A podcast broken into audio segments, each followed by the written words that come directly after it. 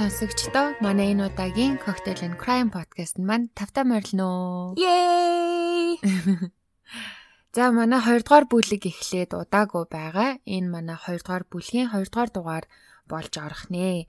За тэгээ дугаартаа орохоос өмнө бид хоёр сануулдаг зүйлээ сануулъя. Манай подкаст насан туршидтэй зориулсан учраас насан туршаагүй хүүхдүүд эсвэл хит эмзэг жирэмсэн хүмүүс болон одоо хар дарж зүүдэлдэг юмнаас амархан айдаг хүмүүс ах юм бол араа араа таагаад те өөртөө үнэхээр сонсомоор байвал сонсоорой. Гэхдээ бит хоёр хариуцлага өглөхгүй шүү гэж амар муухай те. За тэгээд энэ удаагийн дугаараар манай дулмаа коктейлээ хийгээд хэрэгэ ярих байгаа. Тэгээд дулмаагийн маань хийсэн коктейлийг одоо яг одоо ингээд амталчаад хараад баяр хүрээд амар хөөрөө сууж ийн амар гоё өнгөтэй. Тэгээд айгүй гоё амттай юм байна. Нилээн гашуун байх болов гэсэн чи бас үгүй байдаг юм байна. Тэгэхэд дулмаа маань ай нууц жороосоо хуваалцгаа за тэгээ. Би харин ойрд бүр нэг юм гоё ногоон өнгөнд амар дурлаад байгаа Сүүлийн дугаар дээр бас угаасаа ногоон өнгөтэй коктейл хийсэн. А энэ удаагийн дугаараар болохоор а Green Demon буюу ногоон чөтгөр гэдэг өнгө. Ээ баг. Тийм дэртэй коктейл хийсэн байна. Тэгээ энэ коктейл нь бол хийгээд бол маш амархан угаасаа баг зэргийн цагаарх тэгээд rum тэгээд Midori гэд юу мэдэх бах та хүн болго юм гоё ногоон өнгөтэй ликор эдэн штэ угаасаа харахаа ингээд дэлгүүртээр харахаар амар гоё харагддаг. Баг зэргийн Midori а тэгээд lemonade буюу одоо лимоны ундаа орсон байгаа. Тэгээ ер нь жоохон нэг юм далайн хэрэг мэрэг дээр ууж юм арч юм шиг. Харин тий. Гэс амралтанд явчмаар харагдаад шүү. Харин. Яа, ястай ястай гадаа хүүтэн байна. За за нэг тим коктейл хийсэн байна. Хий ууж үзлээ бас амттай л надад бас амттай л санагдаж байна. Анх удаа өөрөө хийж үзээд уусан чинь. Аха. За дулмаа маань хиний тухай ярих чагаа лээ. Бит хоёроос их цагийн тулгаж хоёлаа бол нь бичдэг цагаасаа бичиж ин тэгээ манай өө нилээн судалгаан дээр суух шиг боллоо. Нилээн хэцүү байв уу? Йоо хэцүү байлаа эн чин одоо бүр ёо сүулдэ бүр бичиж дуусныхаа дараа бүр яах гэж хүн алаад гэдийм бэ болчихч яа. Одоо болоо штэ гэнэ. Болоо штэ ч тоо гэмээр санагдлаа. За тэр эндээ чанагч яах вэ гэсэн. Энэ удаагийнхаа гемт хэрэг маань Америкийн баруун хойд нутагт эсвэрт орших Вашингтон мужийн Сиэтл хотод болсон хэрэг байгаа. Аа, ер нь баруун тишэл ер нь явчих гад ах юм да. Ямарваа нэг юм болохоор баруун ирүүлэх ноттой байгаа. Колорадо, Юта тэгээл цаашлал Вашингтон, Калифорниа гэл эвгүй болоод ах юм. Би өөр газар руу явъя гэж ботсон ч ийшээ орчлоо гэсэн. Энэ хэрэг нь болохоор Сиэтл хотод болсон хэрэг байгаа. Сиэтл хотын нисэг хонгоцны буудлын хажуугаар урсах Pacific Highway 99 буюу одоо 99 дэх хурдны зам нь ер нь бол 1980 90-ад оны хувьд тийм хүл хөдөлгөөн ихтэй газар байсан байна. За тэгээ хүл хөдөлгөөн ихтэй байсан шалтгаан нь болохоор ингээд дэлгүүр хоршоо үзүр үзүүлэн тийм гой сайхан зүйл биш харин энэ хэсэг нь биеэ үнэлэгч тайчдаг бар, лаунж болон тийм цагаар хөөсөлдөг дэм буудлаар дүүрсэн газар ээжээ.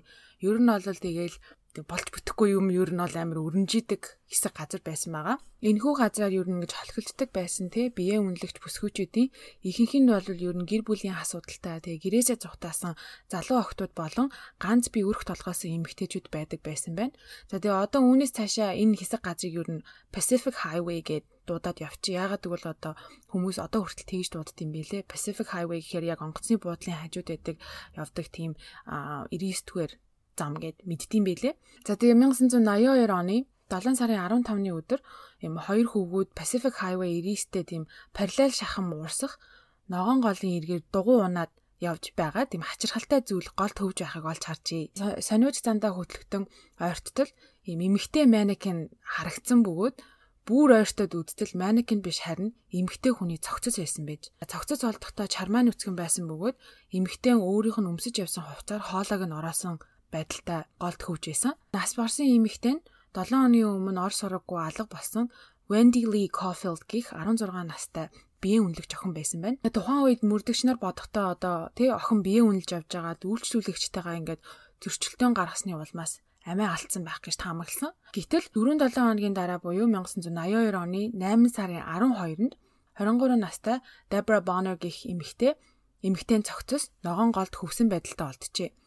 За тэгээ Debra бүсгүүн цогцос олцсныг ингээд сарын өмнө олцсон Wendy охинтой ерөөсө холбоогүй бас л биеийн үнэлэгч байсан учраас одоо үйлчлүүлэгчтэйгээ зөрчилтөөн гарсны улмаас амиа алдсан байх магадaltaй гэд нэг юм тоогоогүй хайдаг. Гэтэл 3 хоногийн дараа буюу а 8 сарын 15-ны өдөр гол дагуу заваар явж байсан хүн юм хоёр юм живсэн манекен байхыг олж харсан гинэ. За тэгээ усанд манекеныг хайсныг хараад бүр гайхаад тоо хин энчээ ингээд дэлгүүрийн манекенг авчиж ирээ хайчдаг байна гэж бодоод ойртоод хартал харин манекен биш хоёр эмэгтэй цогцос байсан нь 17 настай Cynthia Hens болон 31 настай Marsha Chapman байсан байна. Cynthia Marsha хоёрын цогцыг том бул харж чулуунд уяад голд хайсан байж мөрдөгч нар ирэн хэргийн газрыг шалгах явцад Гурав дахь цогцыг голын ирэг дээрээс олсон нь 16 настай Open Mills байсан байна.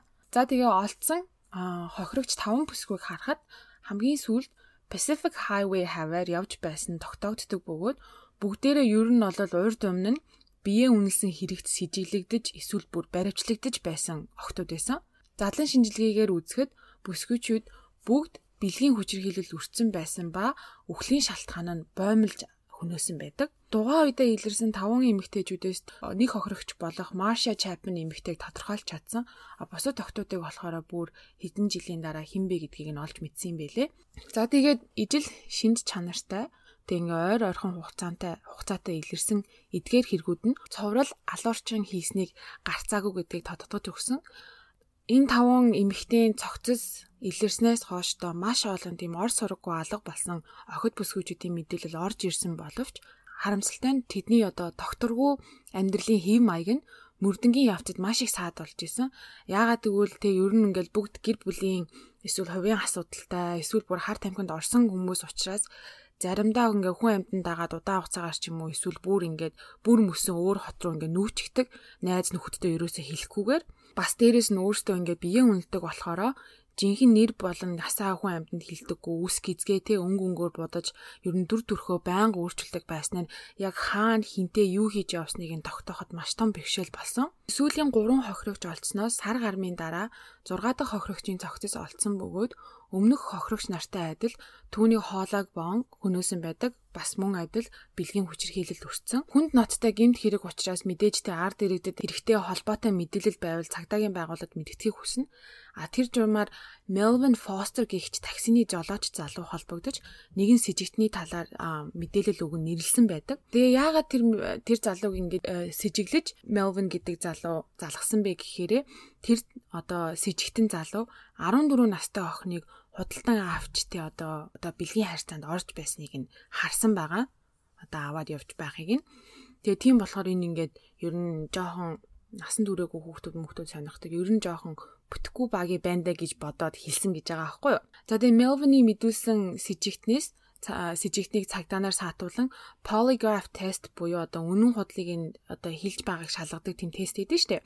Тэрэнд оруулсан байгаа. Тэр тестийг өгөхөд сэжигтэн залуу одоо амжилттай даван гарсан байгаа. Одоо ямар ч доголдолгүй те. Одоо тэр чинь нөгөө ингээд юу ячдээ штэ нөгөө даралт маралтыг ингээ хэмжээд ямарваа нэг юм асуухад тийм сандралтай байх юм бол бас одоо худлаа хэлж ин гэж үзээд тийм хийдэг. Тэгээ тэр залуу болохоор угаасаа үннээ хэлжсэн болохоор ерөөсөө хэрэгт холбоогүйгээд сэжигтний тоонаас хасагдсан байгаа. А харин цагдаа нарт мэдээлэл өгсөн залуу болох Мелвинийг цагдаа нар шалгаж эхэлсэн. А яагаад гэсэн чинь тэгээ яагаад чи бас ингэж ийм олон одоо биеийн үнэлэгч нарыг таниад байна. Бас дээрэс нь 14 настай охиныг аваа явсан гэдгийг нь яг яаж мэдсэн те. Тийм болохоор ингээд Melvin-ий мэдээлэл ер нь жоохон с ิจ гтэй санагдаад энэ бас өөрөө с ิจ гтэй байж магадгүйгээд Melvin Foster гэх залууг одоо 6 эмэгтэй үхэлд сэжиглэж эхэлсэн байгаа. Тэгээ Melvin Foster гихч залуу өөрөө байцаалт өгөхдөө тэгээ би ингээ биеийн үнэлэгч урд нь авч үзчихсэн. Холбоо тогтоож байснаа би ингээд ерөөсөө нуун дарагдуулахгүй энэ бол үнэн. Гэхдээ би энэ тэдрийг юусоо хөнөөгөөгүй би хэний ч аминд хүрээгүй. Тэгээ хэрэг үлдээд үлдээгүй гимгүү гих Melvin залуу одоо шууд өөрөө тэгсэн байхгүй. За би ингээ сайн дураараа тэр polygraph тест чи өгьё. Миний үнэн худал хэлж байгааг та нар өөртөө шалгачхаа гэд тест өгөх болваа. Тэгсэн чинь тэр polygraph тестийг бас юм учиртай өгдөм байна л та. Амууч болгон өөрсдийн тийм хууль дүрмтэй байдаг ч гэсэн үндсэн 3 шаттай байдаг. Тэгээд гурван шат нь болохоор нэгдүгээр pre-test interview буюу тест авахаас өмнөх ярилцлага, тэгээд хоёрдугаарт тест, гуравдугаарт post test interview буюу тест авсны дараах одоо ярилцлага гэдэг гинэ. А тэгээд тест авахаас өмнөх ярилцлагыг яагаад с ิจ гтэнтэй хийдэг вэ гэхээрээ тэр хүнд одоо эрхийг нь уншиж өгч те одоо ийм ийм иймэрхүү иймэрхүү байдалтайгаар ийм ийм асуулт тавигдаад одоо яг тийм юм асууна гэдгээ хэлэхгүй зүгээр одоо тийм үгүй гэсэн асуулт асуун чи ингэж хариулах хэрэгтэй гэд ер нь бүх юмыг ингээд тайлбарлаж өгдөг гинэ. Тэгээ хэрвээ хүсэх юм бол хуульчтай ярих боломжтой одоо энэ шалгалтыг өгөхөөсөө өмнө те. Гэтэл тэр үед одоо Melvin залууг тестийг сайн дураараа өгье гэхэд нь бүр тэр дор нь шууд тестэнд оруулаад бүр ямар ч бэлтгэлгүй одоо эрхийн уншиж өгөөгүй одоо бүх юмыг нь тайлбарлаж өгөөгүй шууд юу яасан гэж аахгүй тестийг авсан гэж аахгүй тэр дор нь гинт орсон Melvin залуу одоо polygraph-ыг амжилтгүй өгч одоо хэргийн гол сэжигтэн болсон байгаа. Түүний гэрийг нэгдсэн боловч болсон 6 аллагт холбоотой тийм ямар ч эд мөрийн баримт олдоогүй байна. А гисэн хэдий ч ер нь түүнийг ер нь гарцаагүй хэрэгтэн гэдэгт итгэж 24 цагийн хараа хяналтанд оруулсан байгаа. Тэгээ Melvin гарцаагүй хэрэгтэн одоо харин одоо нотлох баримтал олох хэрэгтэй гэж үрдсэн мөрдөнгийн багийн ахлах хошууж Kraski гих хүн 25 хүний бүрэлдэхүүнтэй тэр одоо одоо нөгөө нэг цуврал алуурчин хайж байгаа тийм том баг бүрэлдүүлсэн байсан байгаа аахгүй одоо 6 дахь хохирогч гараад ирсэн чинь тэгээ 25 хүний бүрэлдэхүүнтэй бага тараагаад ганцхан мөрдөгчдөр ер нь тэр хэргийг даатгуулд үлдээсэн байгаа. За одоо чи энэ Melvin л даг. Тэгээ Melvin л одоо хараа хяналтандаа байлгаад алхан бүрийг нь ингэж мөрдөж байгаад учрыг нь ол гэж хэлээд үлдээсэн байдаг. А бас тэгээд дээрэс нь тэр үед нөгөө цагдаагийн байгууллагт оногдсон мөнгөн хангамж нь хангалтгүй байсан учраас тийм одоо нэгэн хавтас хэрэгдээр ийм олон хүн мөрдөгч байх шаардлагагүй гэж үзсэн улмаас одоо тэр бүрэлдэхүүнийг тараасан байдаг. За тэгээ нөгөө Melvin гэдэг залууч нь ингээ 24 цагийн хараа хяналтандаа авчлаа. Хамгийн сүүл 6 дахь хохирогч олцсноос 6 сарын дараа 21 настай Carol Christensen гэх эмэгтэйн цогцос олддог.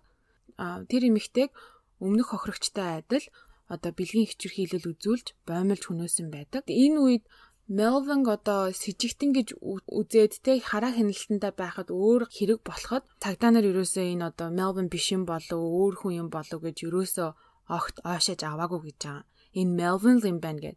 Тэгээ одоо ингээ ботоод үзэхэд одоо бошууган шиг нэг одоо хэргийг нь тохх гээд байсан юм шиг бас тэгээ дээрэс нь өөрөө Мелвин гих залуу бас ингээд биеэ үнэлэгч нартай холбогдчихсэн. Тийм хүн болохоор зүгээр энэ дээр л ер нь тогчий гэж одоо ботсон мэтл санагдсан. Аа. За тэгээд Caroline цогц болтохоос 7 хоногийн өмнө Mary Malvar гих тийм 18 настай бүсгүй а Pacific Highway гудамжинд байрлах кафед өдрийн хоол найз залуутайгаа идэж яагаад алга болсон гэж байгаа байхгүй юу. Яагаад алга яаж алга болсон гэсэн чинь найз залуу нь уцаар ярих шаардлага гарсан тул гадаа байрлах уцны бүхийг рүү явсан. Буцаад ороод ирсэн чинь Mary Alizina алга болсон. Гайхаад хайчсан болоо гэд гараад хайхад одоо пикап чаны машинд сууж явахыг нь харсан байгаа. За тэгээ ачааны машины араас даган явсан боловч найз залуу нь алдсан. Тэгээ 4 хоногийн дараа ор сураггүй ерөөсөө ямар ч холбоогүй алга болсон Мэриг найз залуу нь одоо охины эцэгтэй нийлэн суулгаж явсан машийг нь хайж эхэлсэн. А пикап бачааны машиныг хайж явсаар байгаад Pacific Highway-с холгүй одоо тийм нэг хаусны гата машиныг олдог. Энэ яг л нөгөө нэг Мэриг авч явсан машин байна гэд. Тэгээ цагдаагийн байгууллагт мэдэгдэн хаусыг шалгахаар цагдаа ирсэн. А тэгээ эрен шалгахад гэрийн эзэн 34 настай Gary Leon Ridgway гэх залуу байсан. Угаасаа манайхан нэрийг нь сонсоод мэдж байгаа илгүү дээ. MVP нэр амар асуудаг шүү дээ. Аа. Энийг яриад байгаа ч юм. Харин тий. Цагдаа нар ирээд нэг шалгахаараа нэг юм альбны юу байдаг шүү дээ. Одоо амрыг ирээ ийм юм боллоо танахыг ороо шалгая ч юм уу те. Ингээд өнөөдөр юу исэн гэл нэг амар альбны яриа ярдэн штэ. А гítэл энэ гэвэ дээр ирсэн цагта тэр хоёрын хоорондох яриа ер нь тийм альбны бос өнгөрсөн байдаг. Зүгээр сайн байна уу? Та өнөөдөр одоо сонь сайхан баг юу байна гэж өнгөрсөн гэж байгаа байхгүй.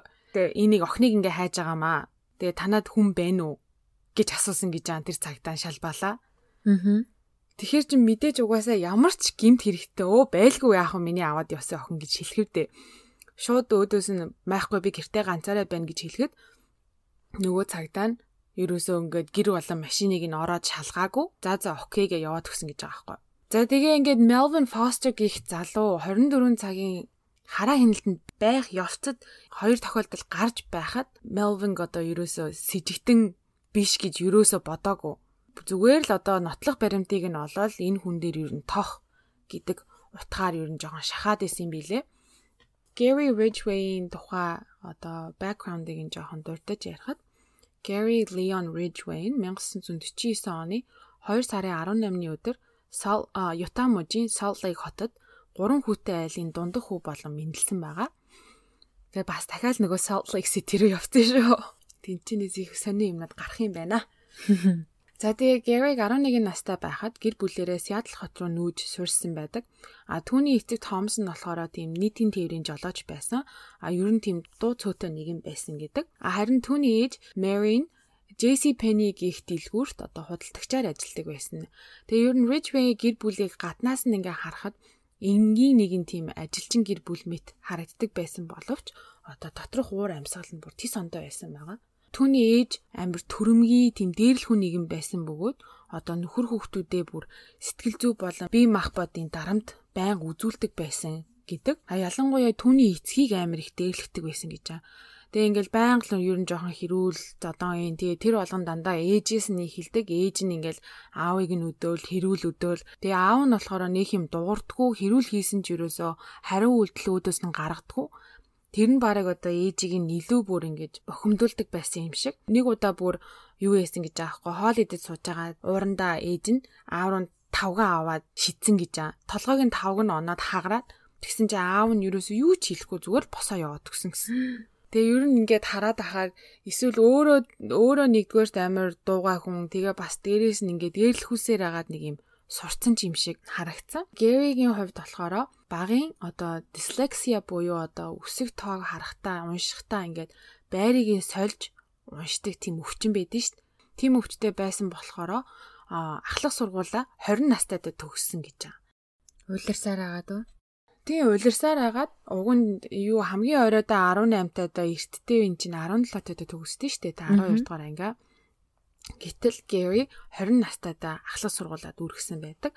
За тэгээ сургуулаа төгссөн жилдээ 1969 онд Америкийн нэгдсэн улсын Тэнгисийн цэргийн хүчинд элсдэг байгаа. Цэрэгт явхаас өмнө ахлах сургуультай үерхэж байсан бүсгүй болох Claria Craig-тэй хурмаа хийн гэр бүл болсон. Хурмаа хийн гутаа бараг шууд цэрэгтээ яваад тгсэн. Тэгээ цэрэгт байх хугацаанд Филиппин болон Вьетнамд байлаж байсан бөгөөд Филиппинд байхдаа биеийн үнэлэгч нарын байнгын үйлчлэгч болсон гэж байгаа. Тэгээ 1971 онд түүний албаны хугацаа дуусан гэртээ ирсэн бөгөөд эхнэрээ сүлэрч байсныг мэдээд гэрлэлтэд цутлуулсан байгаа. Тэгээ ингээ ботхоор өөрөө цэрэг тахтай хүн биеийн үнэлэгчтэй унтаж унтчаа тэгээ хурж ирэнгуутаа эхнэртэй уурлаад гэрлэлтэд цуцлуулсан гэж байгаа юм да.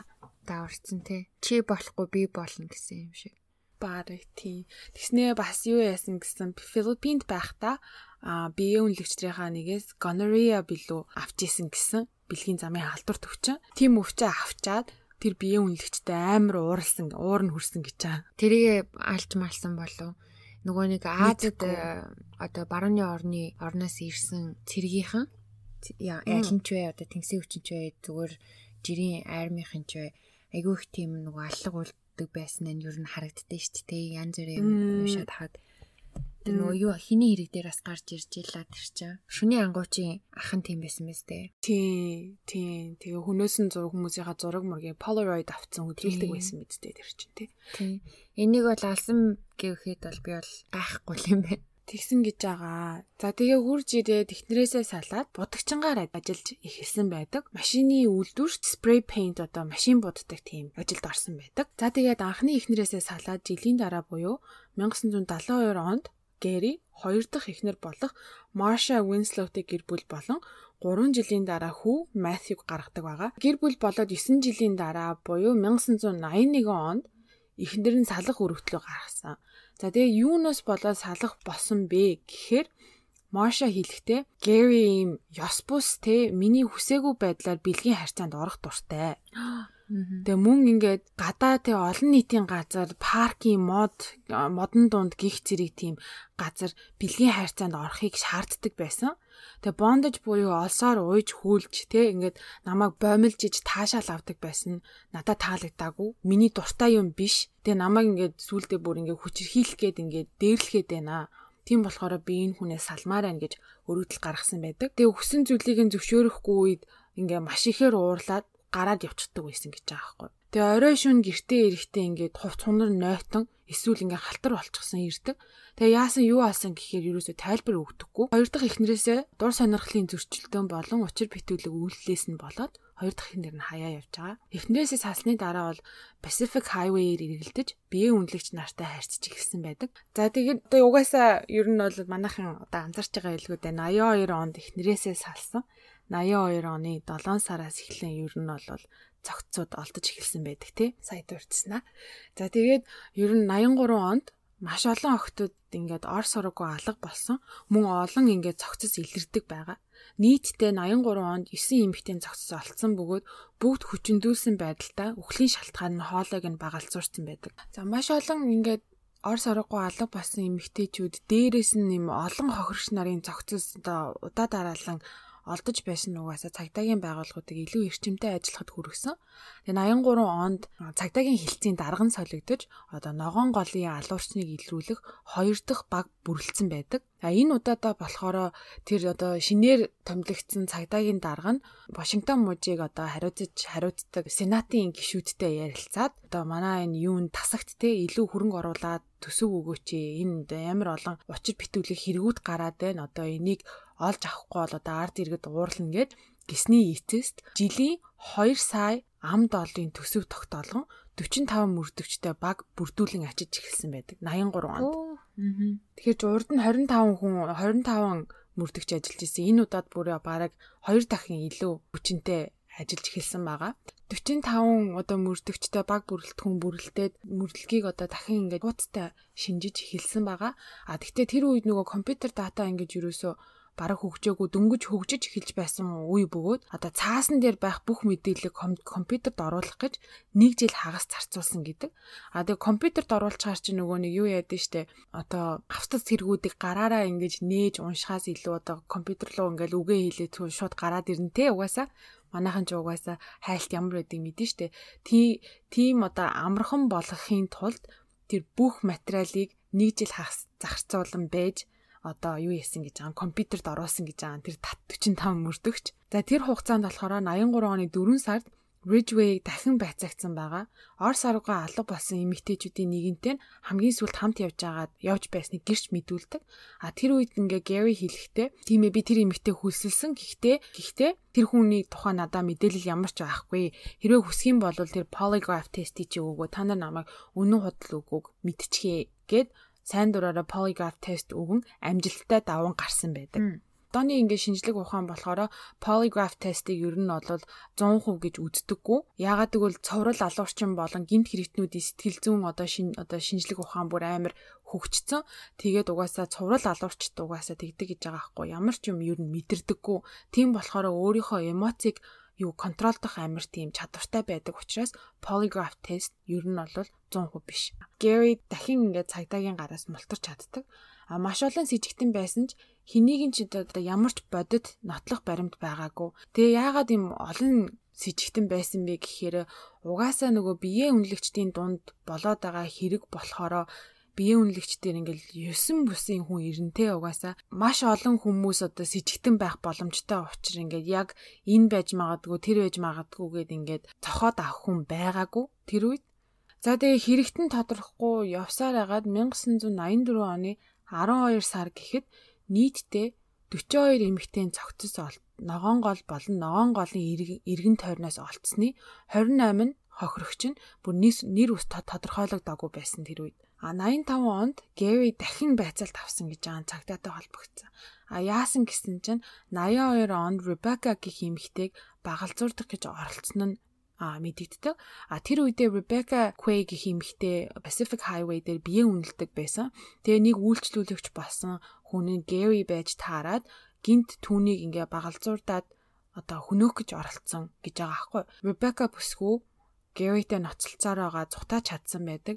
А тэр үедээ яагаад цагдаад мэддэггүй гэхээрээ өөрөө нөгөө нэг биеийн үнэлэгч намайг одоо миний хэлсэн юм хинж тоож авахгүйгээд айж имээсэн бэ цагдаад мэддэггүй гэсэн байдаг. А 85 онд яагаад гинт 3 жилийн дараа мэдгдсэн бэ гэхээр угаасаа мэдээ мэдээлэлээр ийм хэрэг гадуур гараад байна. Энэ хавар гараад байна гэд цацагцсан учир энэтэй холбоотой байж магадгүй гэдэг үндслэлээр 3 жилийн дараа цагтаа дээр хурж ирж мэдгдсэн байдаг. А тэгээ тухайн үед Гэри хурж ирж байцаад өгсөн тэр үед хэлэхдээ а Ребека гэдэг бүсгүй намайг хатсан. Намайг хацхаар нь миний гинт уур хүрээд уур хүрээд түүнийг багалзуурсан. Гэхдээ тэр зутаагаал явсан би бол гэртээ хайрсан. Ямар ч өөр асуудал гараагүй гэдэг. Ребека бүсгүй хувьд болохоор ямар ч нотлох баримт байхгүй учраас одоо гэрч байсан ч нотлох баримт байхгүй. Яг ингэсэн тэгсэн одоо хоо ядаж тэр үедээ цагдаад бэлтгэсэн бол ядаж одоо Тэгээ нөгөө нэг хоолойг ингээ улааж мулаацсан багалзуурсан гих тийм зураг хүрэг байх байсан ч юм уу. Тэгээ ямар ч нотлох баримтгүй гэдэг учраас шалтгаанаар Гэриг 50 явуулсан байгаа.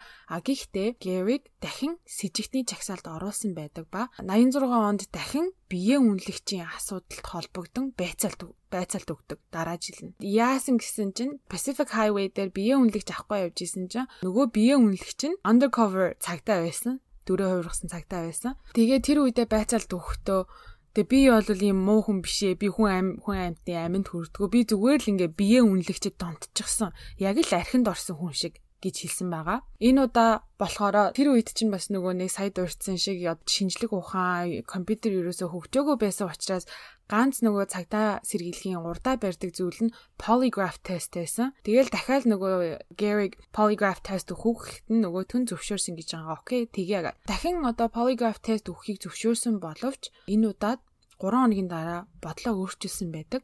Яагаад гэвэл хуульч хуульчийн зөвлснөөр одоо Гэриг хэрэгт холбох баттай нотлохоо байхгүй учраас эрхээ эдлэн татгалцсан байдаг. За тэгээд 86 онд дахиад цагдаа нарын гараас мултарч чадваа. Тэгтээ тэр ондоо нэг сонирхолтой зүйл гарч ирсэн нь болохоор түүний хоёр дахь эхнэр нь цагдаагийн байгууллагатай холбоо тогтоож одоо түүний одоо гаж сонин тийм хүслийн талаар мэдэгддэг байгаа. А тэгээд цагдаа нарыг дагуулan нөгөө юу яадаг гэсэн штэ гадаа та олон нийтийн газар секс их дуртай. Тэг ингээ намайг ингээд хүчрхийлэх гээд ингээд албаар хийлэх гээд байдаг байсан гэд ихнэр нь хэлж ийсэн те.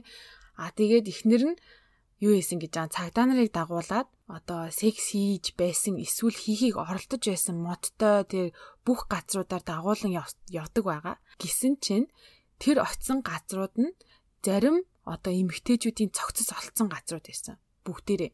За тэгээ явж явж 87 онд Түүний гэрийг нэгжих зөвшөөрөл аван шалгасан боловч харамсалтай нь ямар ч одоо хэрэгтэй холбоотой тийм нотлох баримт олоогүй байна. А гэхдээ нэг сонирхолтой юм нь болохоор энэ үед Ridgeways шүлсний дээжийг цуглуулсан байдаг. DNK-гийн зорилгоор. А учир нь гэвэл ногоон голд хамтдаа олцсон гурван хохирогч нар болох Opal Mills, Marsha Chapman, Cynthia Hint гэх гурван эмэгтэйгийн үтрэнээс авсан одоо үрийн шингэний тийм дээж байсан байгаа. Тэр үедээ бас ийм ДНК шинжлэх шинжлэх ухаан өргөн хөгжөөгөө байсан учраас нэг шинжилгээ хийхэд бараг одоо юу ячдаг байсан гинэ бүх одоо тэр дээжийг нь авчдаг байсан одоо хэргэлдэг байсан. Тэгээ бүх дээжийг нь хэргэлчээр чи угаасаа нөгөө нотлох баримтын одоо тэр дээж одоо устж штэ тий. Тийм учраас одоо шинжилгээнд оруулбал тэр чигээрээ одоо нотлох баримт маань тэр чигээрээ устан үгэн болох магадaltaй учраа одоо дэндүү эрсэлтэй гэж үзээд цагдаа нар ерөөсөө ДНК-гийн шинжилгээнд явуулаагүй байдаг. Тэгээ тухайн үед ногоон голын хэрэгтэй холбоотой баримтууд одоо бүр цагдаагийн том агуулгын тал нь байсан гэж байгаа аахгүй юу. Тэгээд бүр хідэн мянган одоо хувцас хунаар эд зүйлстэй одоо цогцоос олцсон хумс тийм бүх зүйл байсан. Хэрвээ тэр тухайн үеийн технологиор одоо шинжилгээнд оруулсан бол 50 жилийг зарцуулах байсан гэж байгаа байхгүй юу. Одоо бүх тэр жижиг сажиг цогцсуудаас олцсон хэргийн газраас олцсон зүйлийг процесс хийхэд бол тэгэхээр одоо яг ямар их эд мөрийн баримт байсан харагдаж байгаа нэгдүгээр хоёрдугаарт бас одооныхтай харьцуулахад бол шинжлэх ухаан бас амар болоогүй байсан байгаа байхгүй юу. Бүхин цагаасан дээр харин за тэгээ 87 онд Гэригээс одоо шүлсний дээжийг аваад ямар ч ДНК-гийн шинжилгээ хийх боломжгүй болсон. Ер нь бол ингээд мөрдөнгийн явц ингээд жоохон удаашиж байгаа байхгүй. Тэгээд 90 90 он гэхэд нөгөө ногоон голын алуурчныг мөрдөж байсан хоёр дахь баг бүрэлдэхүүн тарсан байдаг. Тэгээ олон жид одоо маш их зардлаар хэрэгтнийг хайсан боловч амжилтанд хүрч чадаагүйд одоо Вашингтон мужийн захиргаа төсвөө татаа авсан байдаг. 84 оноос эхлэн ер нь Pacific Highway-с Орос хараггүй алга болох биеэ үнэлэгчдийн тоо эрс багассан бөгөөд мөрдөн байцаагч нарын одоо ажил нь ер нь удааширсан байдаг. За тэгээ улс орон одоо хөгжиж шинжлэх ухаанд хөгжсөний улмаас 1999 онд Вашингтон мужийн цагдаагийн байгууллага те шинэ өндөр түвшний лаборатори барьж байгуулсан нь байгуулсан байгаа. 3 жилийн турш одоо шинжилгээний одоо тэр эрдэмтэд те шинжилгээний арга барил болон компьютерийг боловсруулсны эцэст 2001 онд ногоон голын хохирогч эмэгтэйчүүдээс олцсон эсийн шинжилгээ хийж эхэлсэн байна. 2001 оны 10 сард хийсэн ДНК-гийн бүх шинжилгээний үр дүн гарч Gary Ridgway-ийн ДНК 3 эмэгтэй үтрэнээс олцсон үрийн шингэнтэй 100% таарсан байна. За тэгээд ёо 2001 оны 11 сарын 30-нд Gary Ridgway-г ажил дээр байхад нь баривчлан авч 19 жилийн эрэлт хайлт дууссан байна. Yay. Yay. Finally. Харин тий. За тэгээд Gary Ridgway-г 3 удаагийн 1-р зэрэглэлийн хүн амны хэрэгт буруутган прокурор цаазаар авах ялыг хүссэн байдаг. Одоо түүний өмгөөллийн багийн тайлбар нь болохоор Gary Ridgway тэ анхнаасаа л биеэ үнэлэгчтэй харьцаанд ордог байснаа нуугаагүй. Тийм болохоор үрийн шингэн олцсон ч бай энэ бол хангалттай нотлох баримт биш ээ. Угаасаа тэр эмгтээчүүдтэй одоо харьцаанд орсон нь бол үнэн.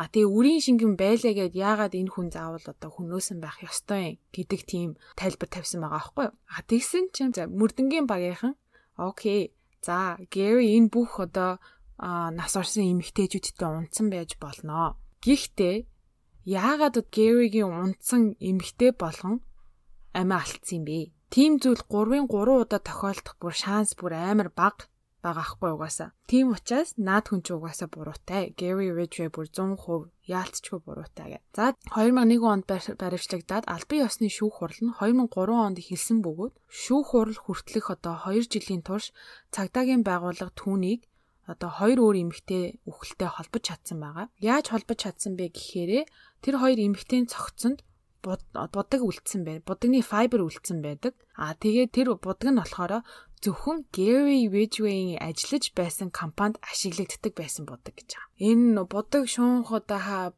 юмнууд ч амар учиртай юм байлээ штэ. Тэр нөгөө химийн бодис болохоор ийм ийм орсон тийм будгийг тэр компани ингэж хэрэгэлдэг, ийм юмн дээр хэрэгэлдэг гэд бүх юм нь гараад ирдэг гинэ. Амар сонирхолтой бас надад санагдсан. За тэгээ баттай нотлох баримтаар ийхүү 5 хүн амийн хэрэгт холбогдсон бөгөөд удалгүй тэр plea bargain буюу одоо бүх хэрэгээ илчлээд ялаа багасгах багасгах хүсэлт тавьдаг. Тэр хүсэлтийг нь прокурорын багийнхан хүлээн авч 2003 оны 6 сараас эхлэн түүнийг хэрэгээ илчлэх процесс эхэлсэн бөгөөд 2003 оны 12 сар гэхэд 6 сарын дараа тий 48 удаагийн 1-р зэрэглэлийн хүн амны хэрэгт буруутай гэж үзэн батлан далд авах боломжгүйгээр насаар хорих ял оноосон байдаг. 48 удаагийн нэгдүгээр зэрэглэлийн хүн амны хэрэг амар сонсогдож байгаа үстэй. Тэрээр одоо Вашингтон мужийн 20 ангид ялаа эдэлж байгаа. Gary Ridgway хэрэгээ хүлээхдээ 71 эмэгтэй амьд хүрсний хэлчилсэн боловч одоогийн байдлаар 49 хэргийг нотлох баримттай түнд тохиж чадсан байгаа. А тэгээд 71 эмэгтэй амьд хүрснээ одоо тэдний цогцыг хаана хайсан одоо хаана одоо булсан гэдгийг хэлсэн байдаг. Гэвч 71 хэрэгээс 49 олцсон 22 нь болохоор тэр хилсэн газар нь очоод үзлэг хийгээд нэгжлэг хийгээд юусоо ямар ч эд мөрийн баримт олдоогүй учраас түүнд тохох боломжгүй байгаа. За тэгээ хамгийн сүүлд 2010 оны заяа 11 жилийн өмнө 10 оны 8 сарын 21-нд нэг эмэгтэй зогсож олт. Гэвч нэрийг нь мэдэхгүй, нэрийг нь санахгүй учраас одоохондоо үл таних эмэгтэй гэдэг нэртэй явж байгаа. Нэг ярилцлаган дээр хэлэхдээ заримыг нь санахгүй байна Ямар ч байсан тоогоо санаа заримыг нь хаана хүнөөсөн, хаана булсан, хаана одоо хайсан гэдгээ санахгүй байна гэж хэлсэн гэж байгаа. Мөн тэрээр necrophilic буюу одоо хүнөөсөн эмэгтэйн цогц дээр дахин дахин очиж бэлгийн дур хүслээ хангадаг байснаа хэлсэн. Миний одоо хамгийн дургүй юм necrophilia бүр oh my god. Тэгснээ өөрөө хэлэхдээ заримдаа өөрийгөө зогсоохын тулд цогцсыг булдаг байсан гэж хэлсэн. За тэгээд ер нь бүх зүйл мэдэгдсэний дараа ор сураггүй алга болсон болон тэдний цогцос олцсон он сарыг харахад 85 онд Gary Ridgway ямар ч алга үлдээгүй бөгөөд 86 онд нэг, 87 онд нэг алга үлдэж 90 он хүртэл хэсэг завсарлсан байдаг. Яг ингээд цаг хугацааг ингээ харахад тэр үедээ эхлээд амар 5 6 10-аар нь хөнөөж ирсэн нь гинт яагаад ингээд завсарлаж одоо удааших болсон бэ гэсэн чинь 85 онд тэр 3 дахь эхнэр болох Judith Marlowe-тэй гэр бүл болсон ба а түүний эхнэр нь сүлд ярилцлаганд дурдахдаа Гэриг маш найрсаг үнэхээр халамжтай хизээч уралдгүй ёстой үнэхээр миний мөрөөдлийн залуу байсан гэж хэлдэг. Тэгээ өөрөө хүртэл ярилцлага ярилцсанд дурдахдаа Жюдит тэ гурав дахь их нэртэй бүр үнэхээр хайртай байснаа илэрхийлсэн байна. Тэгээ бас бодохоор одоо тэр үедээ үнэхээр ингээ хайрандаа умбаад ийм 9 шидийн муу муухай бодол толгойд нь эргэлдэх зав байхгүй байсан юм шиг байгаа. Энэ хүн яагаад одоо эмгтээчүүдийг хөнөөх болвоо гэдэг асуулт угаасаа гарч ирж байгаа.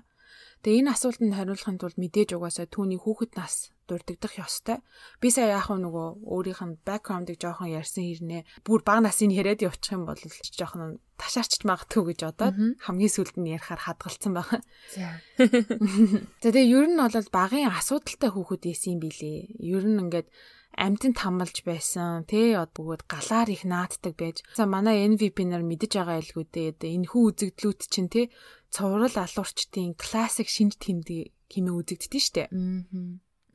Тэгээ амтнд хамалдаг байсан, галаар тоглодог байсан.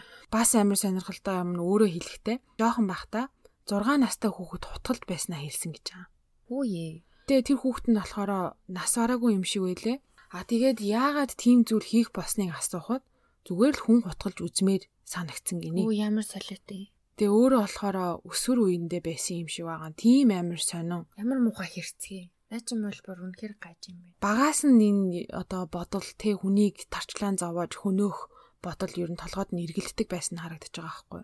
Ер нь нэг тийм сониуч юм байсан юм те. Аа. Бас одоо түүний ээж Мэригийн талаар дурдахгүй байхын аргагүй. Ер нь бол а тийм маш төрөмгий дээрлэх хүүхэн гэдгийг сая хэлсэн те. 13 нас хүртлээ. Гэри орондоо шийдэг байсныг нь ээж нь ингэж доголд шоолдог байсан гэж байгаа. Тэгээ ингээд шоолох шоолохдоо бүр ах トゥ хоёрын өмнө болон найзуудынх нь өмнө шоолдог байсан гэж. 13 настай одоо шилжилтийн насн дээр да хамаг юмыг амар имзэг мэдэрдэг үе штэ тий. Аа. Гэтэл тэгэж шоолдог байсан.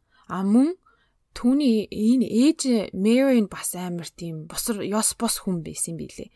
Тэгээ түүний ээж одоо өсвөр нас хүртэл Гэвиг усанд оруулдаг байсан. 10 хэдэн нас хүртэл нь усанд оруулдаг байсан гэхээр амар сонин сонсогдож байгаа үстэй. Аа.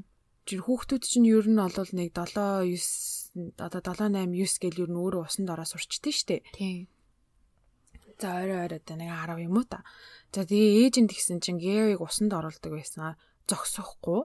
Усанд оруулахдаа өөрөө бараг нүцгэн шахуу эсвэл бүр зөвхөн дотоочтойгоо байдаг байсан гэж байгаа. Сэний тий. Одоо өсвөр насныхаа хүүгийн хажууд ингээ шалтан нүцгэн яваад байдаг. Тэгээд дээрээс нь нөгөө JC Penny дэлгүүрт худалдагчаар ажилладаг байсан гэсэн штэ. Тэр үедээ одоо эрэгтэй хүмүүсийн костюм пижакыг ингээ худалдаж авахт нь ингээд хэмжээг нь ингээл авдаг та хүмүүс. Одоо худалдагчаар А тэр үедээ ингээд эрэгтэй хүний уурд ингээд зөвхөж суугаад хэмжээг нь авч байхад зарим үйлчлүүлэгч нарын сэрлэн хөдөлж бэлэг эрэхтэнд босдог байсан тухайга Гэрид ярьдаг байсан. Үу яана амар донтой. Аа. Тэгээд бүр ингээд ямар үнэр үнэр ингээд түүнээс одоо тэр бэлэг эрэхтнийх нь хаваас ингээд үнэртэж байсныг хүртэл тайлбарлан ярьдаг байсан гэж байгаа байхгүй гэв. Oh my god. Гаж юм би. Амар гаж исэн байгаа ч дээж нь. Тэгээ сүулт Гэри хэлэхдээ өсвөр наснда ээжээгээ ёс бусаар төсөөлдөг байснаа илэрхийлдэг. Яаж төсөөлдөг байсан бэ гэхээр хоёр янзаар төсөөлдөг байсан гэж байгаа байхгүй ээжээгээ. Нэг төрөл нь болохоро ээжтэйгээ одоо 90 эмийн холбоогоор мөрөөдөн төсөөлдөг байсан.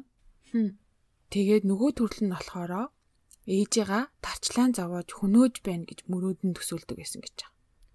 Хөөх сэний тий. Тэгээд тий яагаад ингээд одоо ингээд мэрэгчлүүдний мэрэгчлэтнүүд хэлэхтэй яагаад тэгээд ээжигээ те 90 эмийн холбоогоор ингээд төсөөлдөг байсан бэ гэхээр угаасаа амьдралдаа анх удаа нүцгэн одоо харсан эмэгтэй нь ээж нь байсан. Одоо ухаан харсан цагаас нь хойш штэ. Аа. Ээж нь байсан. Болохоор түүний одоо бэлгийн божилтод маш ээдрээтэй нөлөөсөн бах маш муугаар нөлөөсөн бах. Тэгээ ээж нь тэгдэг байсан гэсэн. Зун болоод ингээл хүмүүс чинь бие шаардсан ш наранд. Тэгэхээр ингээд шалтан нүцгэн бие шаарддаг байсан хүүхдүүдийнхаа өмнө. Чармаа шалтан уу? Тэгээ хүүхд чармаа шалтан тий. Гурван хүүтэй эмэгтэй шүү дээ. Харин тийм. Тэгтэл ингээд өсвөр насны хүүхдүүдийнхээ хажууд нүцгэн ингээ явах нь амар эвгүй штэ угаасаа. Аа.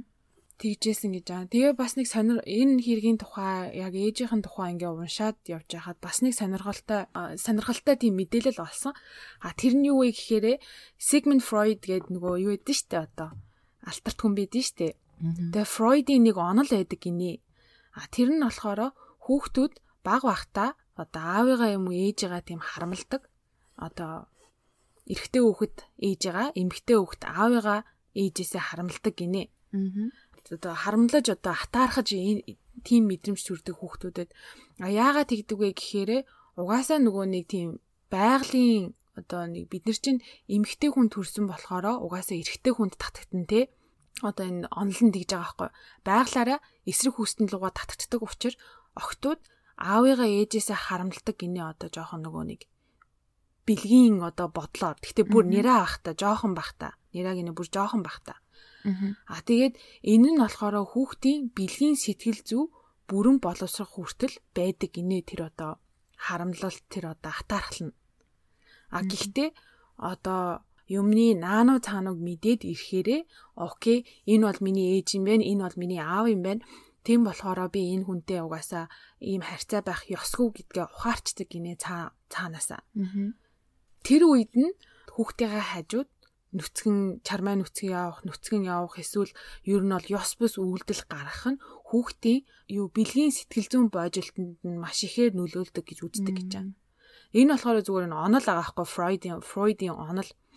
Тэгээ яг хуу мэрэгчлүүд нь ингээ хэлэхдээ Хэрвээ энэ онол үнэн болвол Гэриг ээж нь бол ер нь одоо мэдээ орсон цагт нь өөрийгөө нуундаж одоо нөгөө одоо мөөнөөсөө гараал хүмүүс чинь юу яд нь штэ одоо хүүхдийнхээ хажууд нүцгэн мүцгэн явахгүй мөөмөдалт хийгээл те а тийх ёстой байтал тэгээгүй өсвөр наснд нь одоо хамаг бэлгийн боожолт нь явагдаж хахад урдуур нь чармаа нүцгэн яваад исэн болохоор Гэрид одоо тийм буруу ухагтхүүн суулгасан гэж үздэг юм байна. Тэгээ ингээ бодоод үзэхээр ер нь одоо харахад те бас хүүхдүүдийн хажууд хамаагүй чармаа нүцгэн явж болохгүй байхan шүү манайхаа.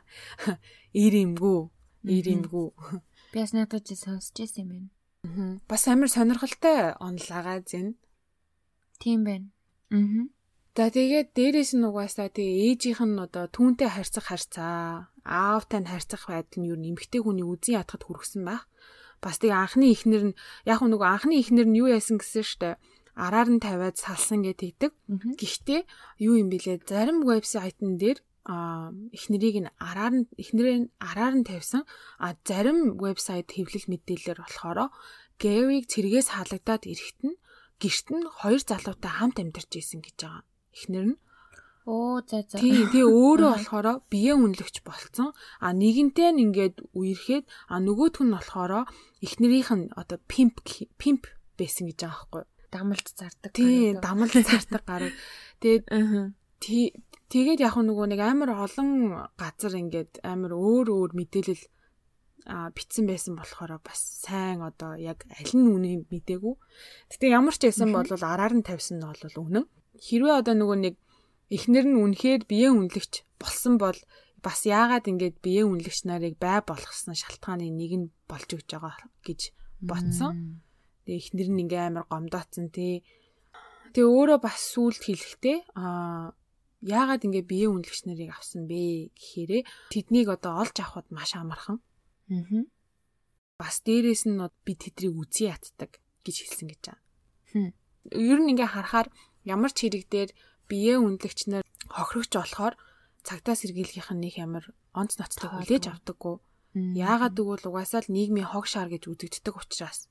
Тэгэл одоо баг өхүү сайн гэж боддсон юм шиг боддог болохоор бас одоо энэ нь тэ тэдийг одоо бай болгох нэг шалтгаан болсон байж магадгүй.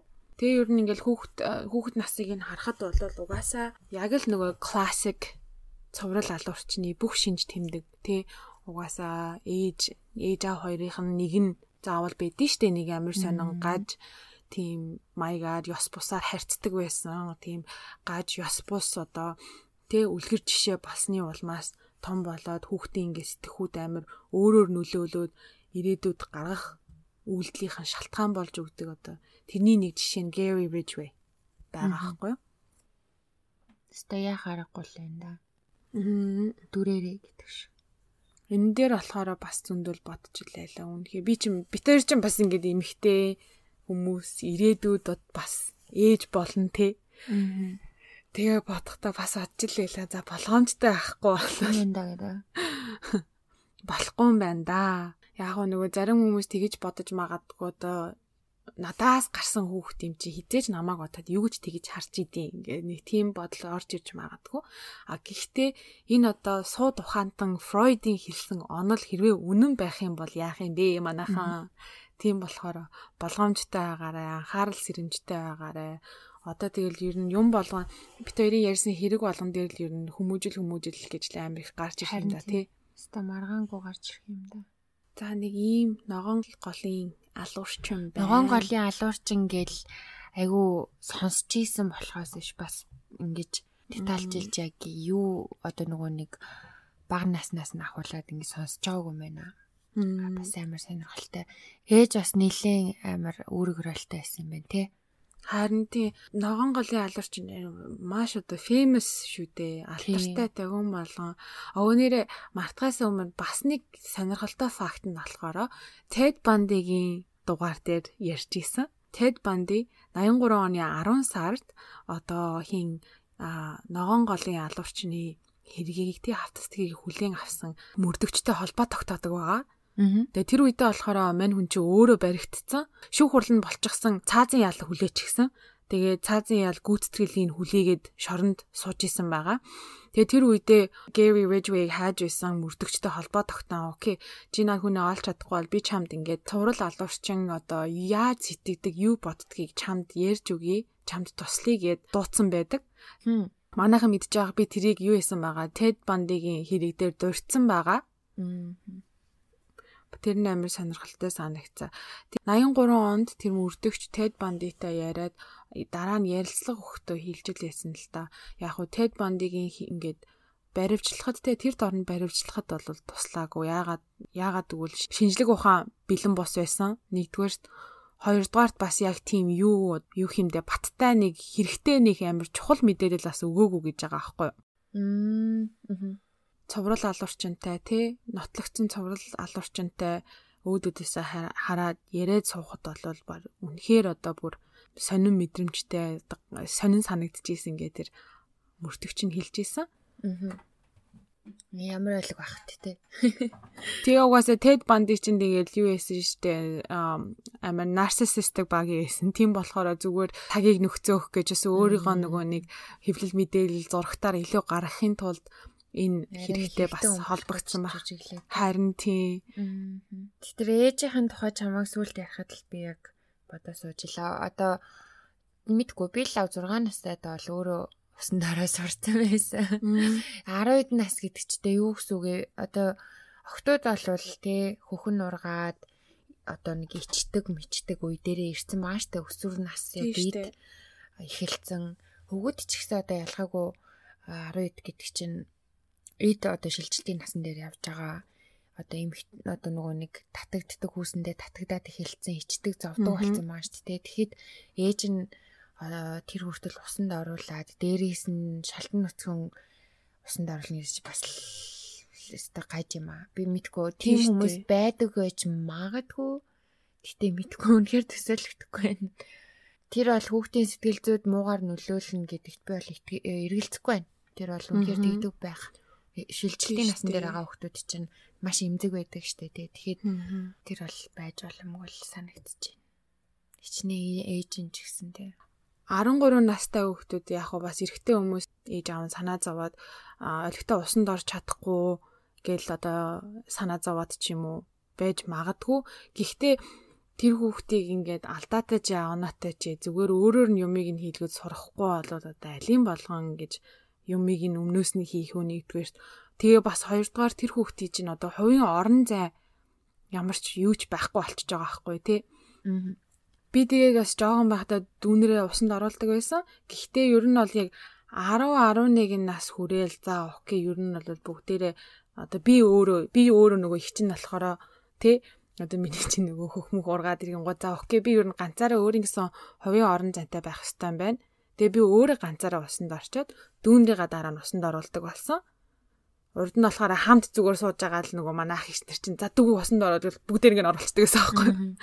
Тийм тийм. Тэр бол яхаа удаа жоохон бахад л хамаагүй. Тийм. Гэхдээ яхаа удаа ингээд том болол яг 10-аас 11 нас хүрэл хүн чинь бас хүүхэд чинь бас юмны наануу цаанаг ойлгодог болж эхэлнэ шүү дээ. Окей болохгүй байна. Тэрийг нас ээж аав нь хажуунаас нь бас сайн ухагтгүй ойлгуулах хэрэгтэй юм шиг байгаа.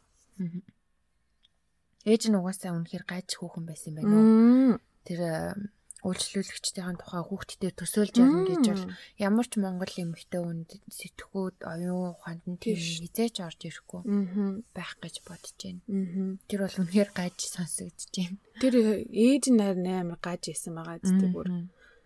Барууныхан тэгээд бас задгаа задгаа гэхэд арай дэндүү задгаарч юм аа хаяа тий. Тэгээд тэр нь нөгөө талдаа хүүхдэд амар муугар нөлөөлөд ингээм янз бүрийн хачаач юм болох юм. Тийш үү.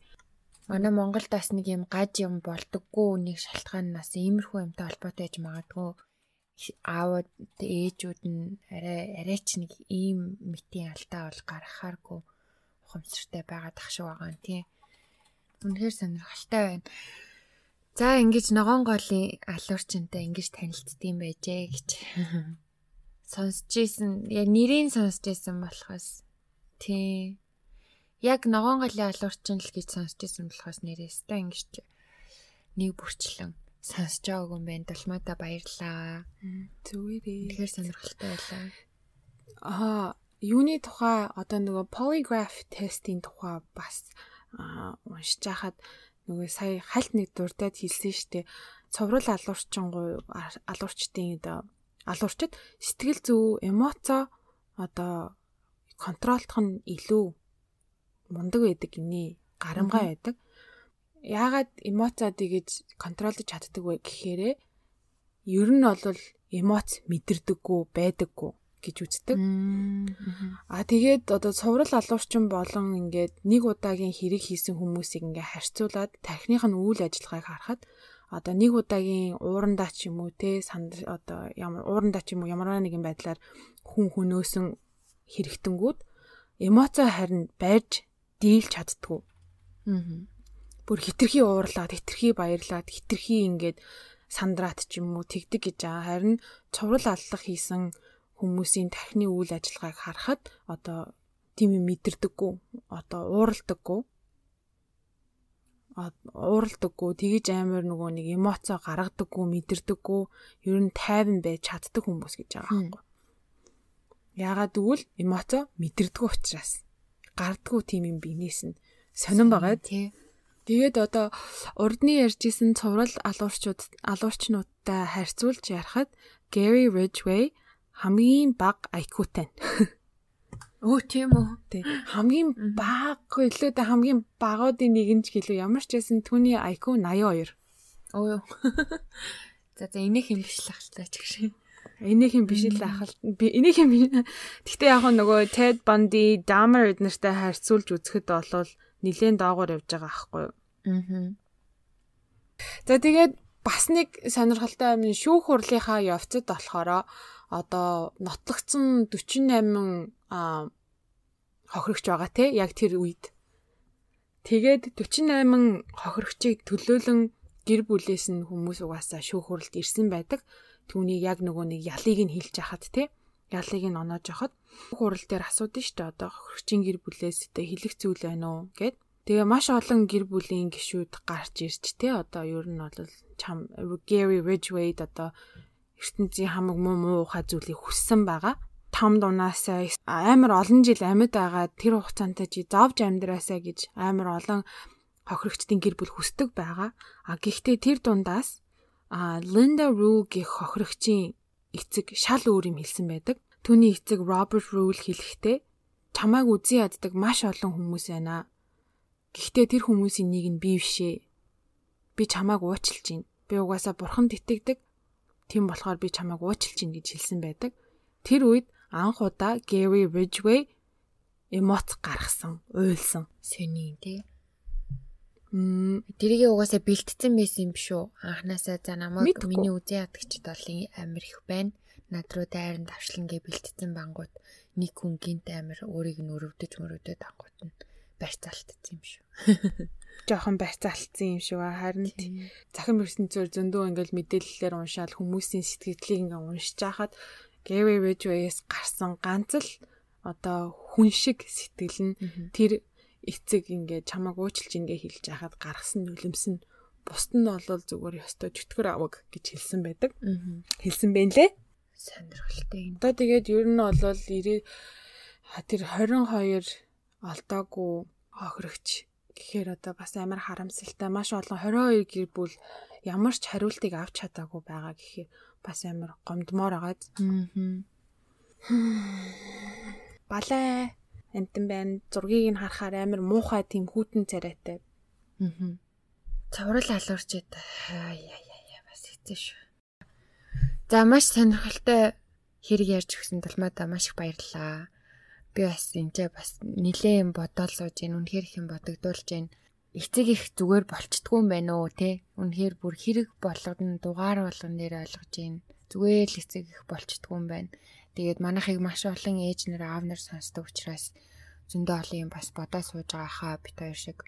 А энэ удаагийн дугаараа ингээд өндөрлөе. Бит хоёрыг дэмждэг, бит хоёрыг сонсох дуртай. а манай хэрэг дуртай хэрэн артхууд байвал бит хоёрын Instagram болон Facebook хуудаснуудад нэг дээрээ хүмүүсээс олохгүй байна гэдээсэн коктейл and crime гэдэг зүгээр ингээ гурлаа 100 зай аваад бичихлээр уул нь гараад ирнэ. Тэгээд лайк дараад follow хийгээд ороод ирээрээ. Дээрээс нь манай подкастыг хаанаас сонсдог? YouTube-ээс сонсож гин үү? Apple-аас сонсож гин үү? Google-ээс сонсож гин үү? Тэ сонсож байгаа газараа бас сонсдог шүү гэдгээ мэдрүүлээд бит хоёрт лайк ч юм уу, дизлайк ч юм уу сэтгэлдээ үлдээгээрээ. Тэгээд тэр болгон ч бит хоёрын нөгөө нэг алгоритмд тусалдаг учраас өөртөө байна гэж мэдрүүлээрээ. За тэгээд энэ удаагийн дугаар энэ дүрээд өндөрлж гин. Тулмаадаа дахиад баярлалаа та хэд бас энэ хүртэл сонссон хүн байвал бас маш их баярлалаа. MVP нартаа баярлалаа. За баяртай гэж. Bye.